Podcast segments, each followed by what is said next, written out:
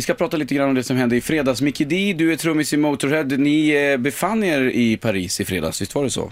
Det gjorde vi ja. Ja, vi kom eh, från London och hade repat och hade två dagar ledigt, fredag och lördag i Paris. Skulle ni spela i Paris också, Micke? Ja, vi ska spela i söndags faktiskt. Eh, på Zenit heter det där, en arena. Och konserten var ju faktiskt på ända fram till sen, sen, sen eftermiddag.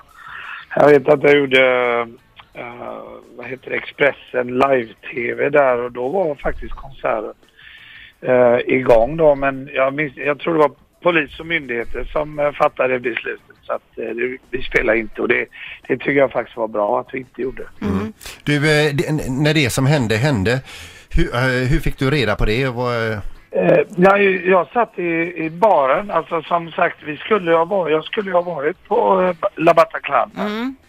eh, och sett den här eh, giget som var då, för vi var lediga och det var fredagkväll och jag och min kollega Viktor, vi snackade om att gå ner där och kika på giget. Men eh, så tryckte jag i mig en, eh, en rejäl eh, spaghetti där och så skulle jag bara ta en tupplur och så blev det att man sov i en halv timme. Och då var det lite för, för sent så då struntade vi i det och gick ner till hotellbaren. Mm. Och runt tio tiden där så fick vi höra att vi gärna skulle stanna inne på hotellet en liten stund för runt hörnet av där vi bodde hade det varit någon shooting och polisen höll på att klara upp det här. Och sen eskalerade ju det så vi, vi, vi satt ju där och, och snackade liksom bara att ja, ja, vi sitter en halvtimme till, har sitter ut nu då. Men sen blir det ju bara värre och värre och värre och det ena efter det andra dådet liksom. Det var som att trycka på en knapp så att Blev du rädd? Nej, jag blev inte rädd för man fattade inte vad det var egentligen. Jag menar att det händer eh, rån och drama på stan, det är, ju- det är man ganska van till liksom. Så man, man tänker ju inte att det ska att det ska drabba en på det sättet liksom.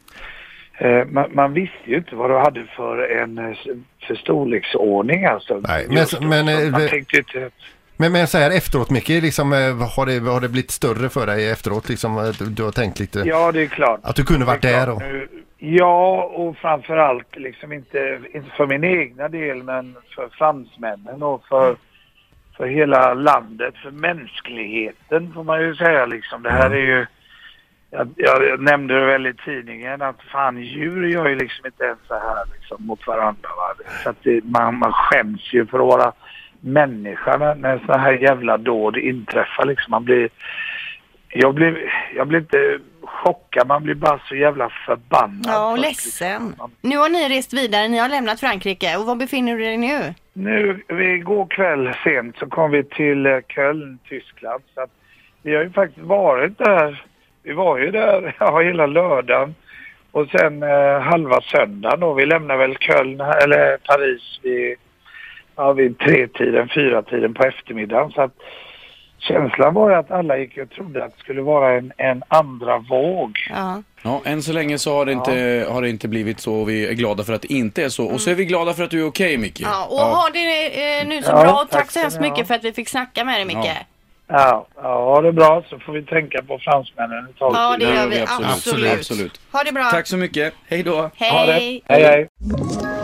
Ett poddtips från Podplay. I fallen jag aldrig glömmer djupdyker Hasse Aro i arbetet bakom några av Sveriges mest uppseendeväckande brottsutredningar. Går vi in med hemlig telefonavlyssning och, och då upplever vi att vi får en total förändring av hans beteende. Vad är det som händer nu? Vem är det som läcker? Och så säger han att jag är kriminell, jag har varit kriminell i hela mitt liv men att mörda ett barn, där går min gräns. Nya säsongen av Fallen jag aldrig glömmer på Podplay.